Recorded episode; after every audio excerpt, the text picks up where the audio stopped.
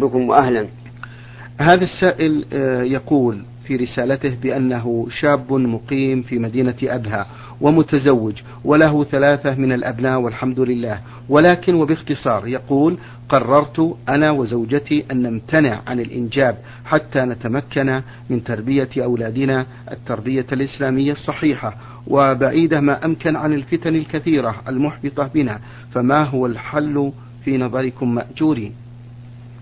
الحمد لله رب العالمين وأصلي وأسلم على نبينا محمد وعلى آله وأصحابه ومن تبعهم بإحسان إلى يوم الدين. هذا الحل غير صحيح. أعني إيقاف الإنجاب. لأنه مخالف لما أرشد إليه النبي صلى الله عليه وعلى آله وسلم حيث قال تزوجوا الودود الولود فإني مكاثر بكم الأنبياء يوم القيامة. ولأن الإنسان لا يدري فربما يموت هؤلاء الأبناء الذين الذين عنده. نعم. فيبقى بدون ذرية. والتعليل بأن ذلك من أجل السيطرة على تربيتهم وربما يقول وعلى القيام بنفقتهم تعليل عليل عليل في الواقع لأن الصلاح بيد الله عز وجل والتربية سبب لا شك وكم من إنسان ليس عنده إلا ولد وعجز عن تربيته وكم من إنسان عنده عشرة من الولد وقام بتربيتهم وأصلحهم الله على يده. ولا شك أن الذي يقول إنهم إذا كثروا لا أستطيع السيطرة عليهم أنه أساء الظن بالله عز وجل. وربما يعاقب على هذا الظن. بل المؤمن الحازم يفعل الأسباب الشرعية ويسأل الله المعونة والتوفيق. وإذا علم الله منه صدق النية أصلح الله له أموره. فأقول للأخ السائل لا تفعل لا توقف الإنجاب لا توقف الإنجاب أكثر من الأولاد ما استطعت. فرزقهم على الله وصلاحهم على الله وأنت كلما ازددت تربية ازددت أجرا. فإذا كان لديك ثلاثة وأدبتهم وأحسنت تربيتهم أجرت على ثلاثة فقط. لكن لو كانوا عشرة أجرت على عشرة. ولا تدري أيضا ربما هؤلاء العشرة يجعل الله منهم علماء ومجاهد ومجاهدين فينفعون الأمة الإسلامية. ويكون ذلك من آثار إحسانك. أكثر من الأولاد أكثر من الأولاد. أكثر الله أموالك وأوسع لك في رزقك. آمين. جزاك الله خير يا شيخ. نعم. آه هذا السائل الذي رمز لاسمه بميم ميم من القصيم يقول إيه؟ يقول هل نراعي أحوال كبار السن حيث يرغبون بأن نمد تكبيرة التشهد؟ نعم. يشير هذا السائل إلى ما يفعله كثير من الأئمة. يجعلون لكل تكبيرة من فعل من أفعال الصلاة خاصية. نعم. فمثلا يمدون التكبير إذا جلسوا للتشهد ولا يمدونها إذا جلسوا بين السجدتين. ويقيمون ويمدون التكبير إذا قاموا من التشهد الأول ولا يمدونها إذا قاموا من السجود إلى القيام. وما أشبه ذلك. وقد حرصت غاية الحرص على أن أجد لهذا أصلا من السنة. وهل كان النبي صلى الله عليه وعلى آله وسلم يفعل ذلك؟ فلم أجد. واستعنت ببعض إخواني الذين لديهم علم واسع في الحديث فلم يجدوا. وحينئذ يبقى التكبير على طبيعته في جميع الانتقالات على نمط واحد. لأنه لو كان يتغير لبينه الصحابة رضي الله عنهم.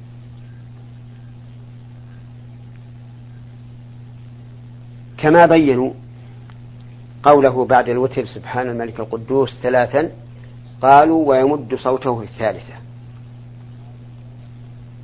ففرقوا حين فرق النبي صلى الله عليه وعلى آله وسلم.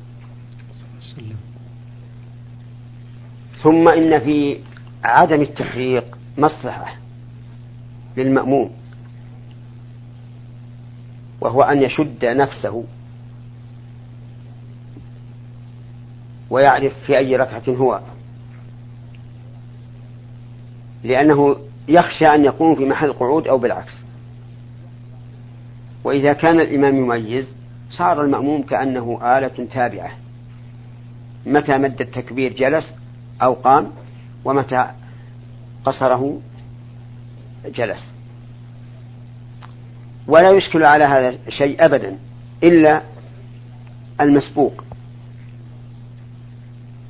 فالمسبوق ربما يشكل عليه لأن الإمام سوف يكبر تكبيرا واحدا لا يختلف. فإذا جلس التشهد الأول والمأموم قد دخل معه في الركعة الثانية أشكل على المأموم. ولكن الجواب على هذا أن نقول المأموم إلى جانبه أحد لم يكن مسبوقا. فليقتدي به. كما قال النبي صلى الله عليه وسلم تقدموا فأتموا بي وليأتم بكم من بعدكم. لذلك أرى أن يبقى هذا الإمام على ما هو عليه من عدم التمييز بين التكفير لأنه أقرب إلى السنة وكبار السن يألفون بعد ذلك. يألفون هذه الطريق بعد ذلك. نعم. حفظكم الله فضيلة الشيخ. آه، يقول في سؤاله الثاني يا شيخ آه، كثر الكلام حول سنية صلاة الجماعة حتى آه، بأن أحد طلبة العلم لا يحضر إلى المسجد بهذه الشبهة ولا يخفى عليكم ضعف الناس وفتح الباب لهم مما يكثر الكسل عند البعض والتخلف عن الجماعة. وجهونا في ضوء هذا السؤال. نعم. القول بأن بأن صلاة الجماعة السنة إن شاء الإنسان أقامها وإن شاء تركها قول ضعيف مخالف للكتاب والسنة. أما الكتاب فقد قال الله تعالى وإذا كنت فيهم فأقمت لهم الصلاة فلتقم طائفة منهم معك وليأخذوا أسلحتهم؟ فإذا سجدوا فليكونوا من ورائكم ولتأتي طائفة أخرى لم يصلوا فليصلوا معك وليأخذوا حذرهم وأسلحتهم. فأوجب الله صلاة الجماعة مع الخوف.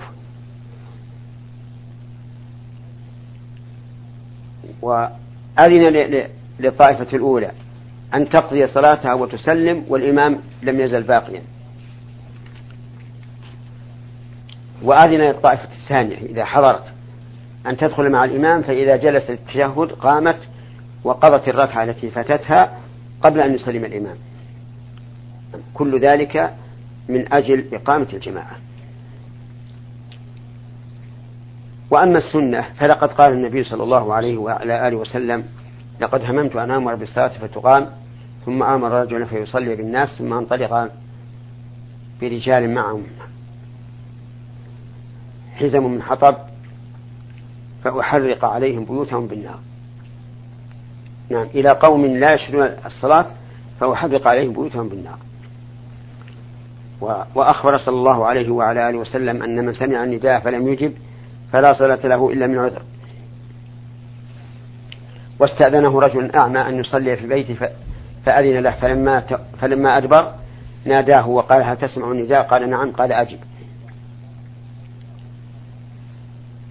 فالقول بالسنية أي سنية صلاة الجماعة قول ضعيف لا معول عليه. والصواب أن صلاة الجماعة واجبة على الرجال البالغين وأنهم إذا تركوها من غير عذر وصلوا من غير جماعة فهم على خطر لأن بعض العلماء يقول إذا ترك صلاة الجماعة من غير عذر فلا صلاة له. كشيخ الإسلام ابن تيمية رحمه الله فإنه يرى أن أن صلاة الجماعة شرط لصحة الصلاة وأن من لم يصلي مع الجماعة بدون عذر فلا صلاة له ولو صلى ألف مرة. فالمسألة خطيرة جدا. نعم. أحسن الله إليكم. هذه سائلة للبرنامج تقول قمت بأداء فريضة العمرة ولكنني لم أقصر من شعري ظنا مني بأنها سنة للرجال فقط وأن النساء ليس عليهم تقصير. وبعد أن رجعت من العمرة علمت بأن علي دم ولكن زوجي لا يريد أن يذبح عني وأنا لا أملك المال لكي أذبح عن نفسي. فماذا أفعل يا فضيلة الشيخ؟ أقول لا تفعلوا شيئا. لأن الإنسان إذا وجب عليه شيء ولم يقدر عليه سقط عنه. لقول الله تعالى لا يكلف الله نفسا إلا وسعها وقوله تعالى فاتقوا الله ما استطعتم وقال العلماء رحمهم الله لا واجب مع العجز ولكني أنصح هذه المرأة وغيرها بنصيحة أرجو أن تكون نافعة وهي أن الإنسان إذا أراد أن يحج فليعرف أحكام الحج قبل أن يحج؟ وإذا أراد أن يعتمر فليعلم أحكام العمرة قبل أن يعتمر. وهكذا بقية العبادات. حتى يعبد الله على بصيرة وعلى علم. وحتى لا يقع في الزلل والخطأ. ثم بعد ذلك يفتش عن من ينتشره من هذا الخطأ. أنصح إخوان المسلمين كلهم هذه النصيحة. أن لا يقوموا بشيء من العبادات حتى يتعلموها قبل أن يعملوها. ولهذا ترجم البخاري رحمه الله في صحيحه على هذه المسألة فقال باب العلم قبل القول والعمل. وصدق. أما هذه فكما قلت أولا لا شيء عليها لأنها عاجزة عن الفدية فتسقط عنها. وليس هناك دليل على أن من عدم من عجز عن الفدية في ترك الواجب أنه يصوم عشرة أيام. وما دام أنه لا دليل على ذلك فلا نلزم عباد الله بما لم يلزمه الله بما لم يلزمهم الله به. فنقول من وجب عليه دم وهو قادر عليه فليفعل ومن لم يجب سقط عنه إلا دم المتعة والقرآن فإن الله تعالى صرح بأن من لم يجد فصيام ثلاثة أيام في الحج وسبعة إذا رجع إلى أهله. نعم. جزاكم الله خيرا. السائل ميم عين عين من المدينة النبوية يقول سافرت في إحدى السنوات قاصدا أخذ عمرة وزيارة بعض الأقارب بمدينة جدة وفي الطريق صار علي حادث وتعرض بعض الركاب الذين معي لإصابات بسيطة ووقفت بذلك في مدينة رابغ لمدة ثلاثة أيام. وعندما دخلت التوقيف تحللت من إحرامي وخرجت بعد ثلاثة أيام حيث شملني العفو وعدت إلى المدينة ولم أكمل عمرتي. فهل علي شيء؟ علما بأنني قد حجيت بعدها أربع مرات وأديت العمرة لأكثر من ست مرات. نعم. إذا كان هذا الرجل قد اشترط عند إحرامه فقال اللهم إن حبسني حابس فمحلي حيث حبستني فلا شيء عليه. وإن لم يكن اشترط فقد اختلف العلماء رحمهم الله في الحصر بغير العدو. فقال بعضهم إنه إذا حصر بغير عدو يبقى على إحرامه. حتى يزول الحصر ثم يكمل. وقال آخرون بل هو كحصر العدو. وقد قال الله تعالى فإن حصرتم فما استيسر من الهدي فيجب عليه أي من حصر عن إتمام النسك بمرض أو كسر أو نحو ذلك فإنه يذبح شاة في محل حصره وتكفي. هذا السائل لم يفعل شيئا من هذا. وأدنى شيء نقول له أنه يلزمه فدية للحصر وعدم إكمال النسك يذبحها في المكان الذي حصر فيه أو في مكة ويوزعها على الفقراء. نعم. أحسن الله إليكم. في ثاني أسئلته يقول في أيام شبابي كنا نحلف باليمين وبعض هذه الأيمان لا تتم وهي كثيرة لا أستطيع حصرها وقد تبت من ذلك فهل التوبة تكفي أم لا؟ وإذا كانت التوبة لا تكفي فهل يجوز أن أصنع طعاما وأقوم بتوزيعه على حجاج بيت الله؟ حيث أنني أسكن المدينة النبوية حيث أنني لا أعلم كم عدد تلك الأيمان. إذا كانت هذه الأيمان قبل البلوغ فلا شيء عليه إذا حنث فيها. لأن من شرط الإلزام والتكليف البلوغ. وإن كان بعد بلوغه وقد اعتاد أن يقول عند اليمين إن شاء الله. فلا شيء عليه أيضا.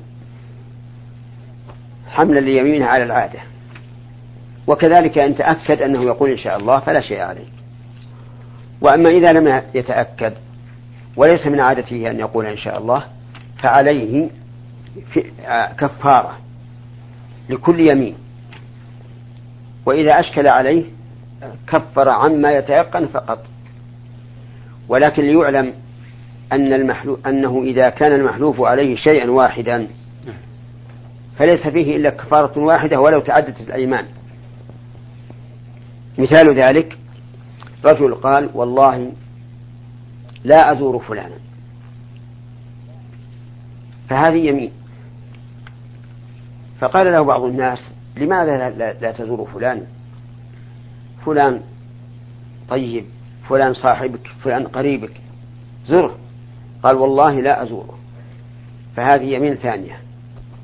ثم قيل له في ذلك فقال والله لا أزوره. فهذه يمين ثالثة. هذه الأيمان الثلاث تكفيه كفارة واحدة لأن المحلوف عليه شيء واحد. وكذلك لو حلف يمينا على أشياء متعددة فقال والله لا أزور فلانا ولا أزور ولا ألبس هذا الثوب ولا أكلم فلانا واليمين واحدة فعليه كفارة واحدة. أما إذا تعدد المحلوف عليه وتعدد الأيمان فعليه لكل واحد كفارة لكن إذا شك هل هي ثلاثة أو أربعة لم يلزمه إلا ثلاثة. نعم. جزاكم الله خير فضيلة الشيخ. هذا السائل أرسل بسؤال لم يذكر الاسم في رسالته يقول قاطعت أخي عن الكلام لمدة سنوات وذلك تجنبا للمشاكل وهو أكبر مني سنا أيضا. فما الحكم؟ بل وهل عملي هذا صحيح؟ لا يحل للإنسان أن يقطع قريبه. لقول النبي صلى الله عليه وعلى آله وسلم لا يدخل الجنة قاطع يعني قاطع رحم. والواجب على المؤمن أن يصل رحمه ولو قطعوه. لقول النبي صلى الله عليه وسلم ليس الواصل بالمكافئ وإنما الواصل من إذا قطعت رحمه وصلها. ولا يحل له أن يقابل قطيعة رحمه إياه بقطيعته هو. بل يصله ويصله. واليد العليا خير من اليد السفلى. وإذا وصله في هذه الحال نصره الله عليه. نعم. جزاكم الله خيرا. هذا السائل ميم ألف من القسيم يقول رميت الجمرة جمرة العقبة ولكن أظن أنني رميت من الجانب الذي خارج الحوض. والسبب أن الحوض آه، مملوء بالحصى ولم أنتبه لذلك إلا أثناء الرمي. ما الواجب علي وهل يلزمني شيء؟ الإنسان إذا رمى جمرات فإما أن يتيقن أنها وقع أن الحصاة وقعت في الحوض. فإذا تيقن أنها وقعت في الحوض فهي مجزئة ولو تدحرجت وخرجت من الحوض. الثاني أن يتيقن أنها لم تكن في الحوض فهذه لا تجزئه. الثالث أن يغلب على ظنه أنها وقعت في الحوض فهذا يكفي. الرابع أن يغلب على ظنه أنها لم تقع في الحوض فهذه لا تجزئ. الخامس أن يتردد ويشك هل وقعت أو لا بدون ترجيح فهذه لا تجزئ. فصارت لا تجزئ في ثلاث في ثلاث أحوال. إذا تيقن أنها لم تكن لم تقع في الحوض أو غلب على ظنه أنها لم تقع في الحوض أو تردد. ففي هذه الحال يعتبر غير رام وعليه على ما قاله العلماء رحمهم الله فدية تذبح في مكة وتوزع على الفقراء. إلا إذا كانت حصاة أو حصاتين فأرجو أن لا يكون عليه شيء. نعم. في سؤاله الثاني يسأل عن ضوابط الأمر بالمعروف والنهي عن المنكر ومتى يجوز الإنكار علانية والإنكار سرا؟ نعم. الأمر بالمعروف والنهي عن المنكر فرض كفاية. وإذا لم يكن إلا واحد تعين عليه. لكن يشترط أن لا يتغير المنكر إلى إلى ما هو أعظم. فإن فإن تغير المنكر إلى ما هو أعظم وجب الكف. لقول الله تبارك وتعالى ولا تسبوا الذين يدعون من دون الله فيسبوا الله عدوا بغير علم. كذلك زينا لكل أمة عملهم ثم إلى ربهم مرجعهم فينبئهم بما كانوا يعملون. فإذا قدرنا أن شخصا يشرب الدخان نعم. فلو, فلو أنكرنا عليه لترك الدخان ولكن يذهب إلى شرب الخمر. فهنا لا ننكر لأن شرب الدخان أهون من شرب الخمر. وكذلك لو رأينا أحدا مغرما بالنظر إلى النساء وملاحقتهن. ولو نهيناه لافتتن بالصبيان فهنا لا ننهاه. ولكن مع ذلك نراقب ونحاول كل فرصة أن ننهاه عن المنكر. نعم. أحسن الله إليكم. هذا سوداني مقيم بجدة. أحمد ألف. بعث بهذه الأسئلة يقول هل تجوز صلاة الجمعة بخطبة واحدة؟ لا بد لصلاة الجمعة من خطبتين. لأن النبي صلى الله عليه وعلى آله وسلم كان يخطب للجمعة خطبتين. ويقول عليه الصلاة والسلام في خطبة الجمعة أما بعد فإن خير الحديث كتاب الله وخير الهدي هدي محمد صلى الله عليه وسلم. فلو اقتصر على خطبة واحدة لكان على غير هدي النبي صلى الله عليه وعلى آله وسلم فلا تصح جمعته. فالجمعة لا بد فيها من خطبتين. وكان النبي صلى الله عليه وعلى آله وسلم يخطب خطبتين ويفصل بينهما بجلوس. فلا يكفيه أن يفصل بينهما بالسكوت بل يجلس. والجلوس بين الخطبتين من هدي النبي صلى الله عليه وعلى آله وسلم وهو سنة مؤكدة ولا يتحقق الفصل بين الخطبتين إلا بالجلوس نعم الشيخ إذا جلس آه، الإمام أثناء الخطبتين آه، هل هناك دعاء يقوله المأموم؟ لا ليس هناك دعاء معين لكن ينبغي أن ينتهز الفرصة في هذا الوقت فيدعو لأن ساعة الإجابة يوم الجمعة أحرى ما تكون إذا حضر الإمام حتى تقضى الصلاة. حفظكم الله. سؤاله الثاني يقول الشيخ لديه عمة ولا تسمع وصلاتها عبارة عن تكبير وتحميد ودعاء دون أن تقرأ بأي سورة ولا فاتحة الكتاب ولا غير ذلك. يقول وأنا عاجز عن تعليمها لعدم سمعها فهل صلاتها صحيحة؟ وهل آثم في أني لم أعلمها؟ أما صلاتها فصحيحة. لقول الله تعالى لا يكلف الله نفسا إلا وسعها. وقوله تعالى فاتقوا الله ما استطعتم. وأما أنت فلا تأثم لأنك تقول لا, لا لو علمتها لم تفهم. فكيف تؤاخذ على شيء لا تقدر عليه ولا فائدة منه؟ ويكفيها أن تسبح وتهلل وتكبر. ونسأل الله لا لنا ولها القبول. اللهم آمين. آه هذا السائل نون شين. من رفحة يقول ما هو الحجاب الشرعي للمرأة؟ الحجاب الشرعي أول شيء أن تغطي وجهها. طيب. وذلك لأن الوجه أعظم ما تكون به الفتنة وهو مقصود الرجال من من النساء. ولهذا يسأل الإنسان ويهتم الإنسان بجمال الوجه أكثر من غيره بكثير. فتجده مثلا يسأل عن وجهها ولا يسأل عن قدميها عند أن عند إرادة خطبتها. فهو أولى الأعضاء بالستر. ولنا في هذا رسالة اسمها رسالة الحجاب مختصرة قد بينا فيها الأدلة من القرآن والسنة والنظر الصحيح على وجوب تغطية المرأة وجهها عن الرجال الأجانب وأجبنا عما استدل به القائلون بجواز كشف, كشف الوجه. فما أحسن أن تراجع هذه الرسالة أو غيرها من مما ألف في هذا الباب. نعم. أحسن الله إليكم في سؤاله الثاني يقول آه، ما الأشياء التي نتصدق بها على الميت وما الأعمال التي تصله؟ أولا أقول لهذا السائل نعم. نحن لسنا مجبرين أن نتصدق عن الميت. بل ولا يسن لنا أن نتصدق عنه. إن تصدقنا عنه فهو جائز ولا وليس ببدعة. لكن الأفضل أن ندعو للميت.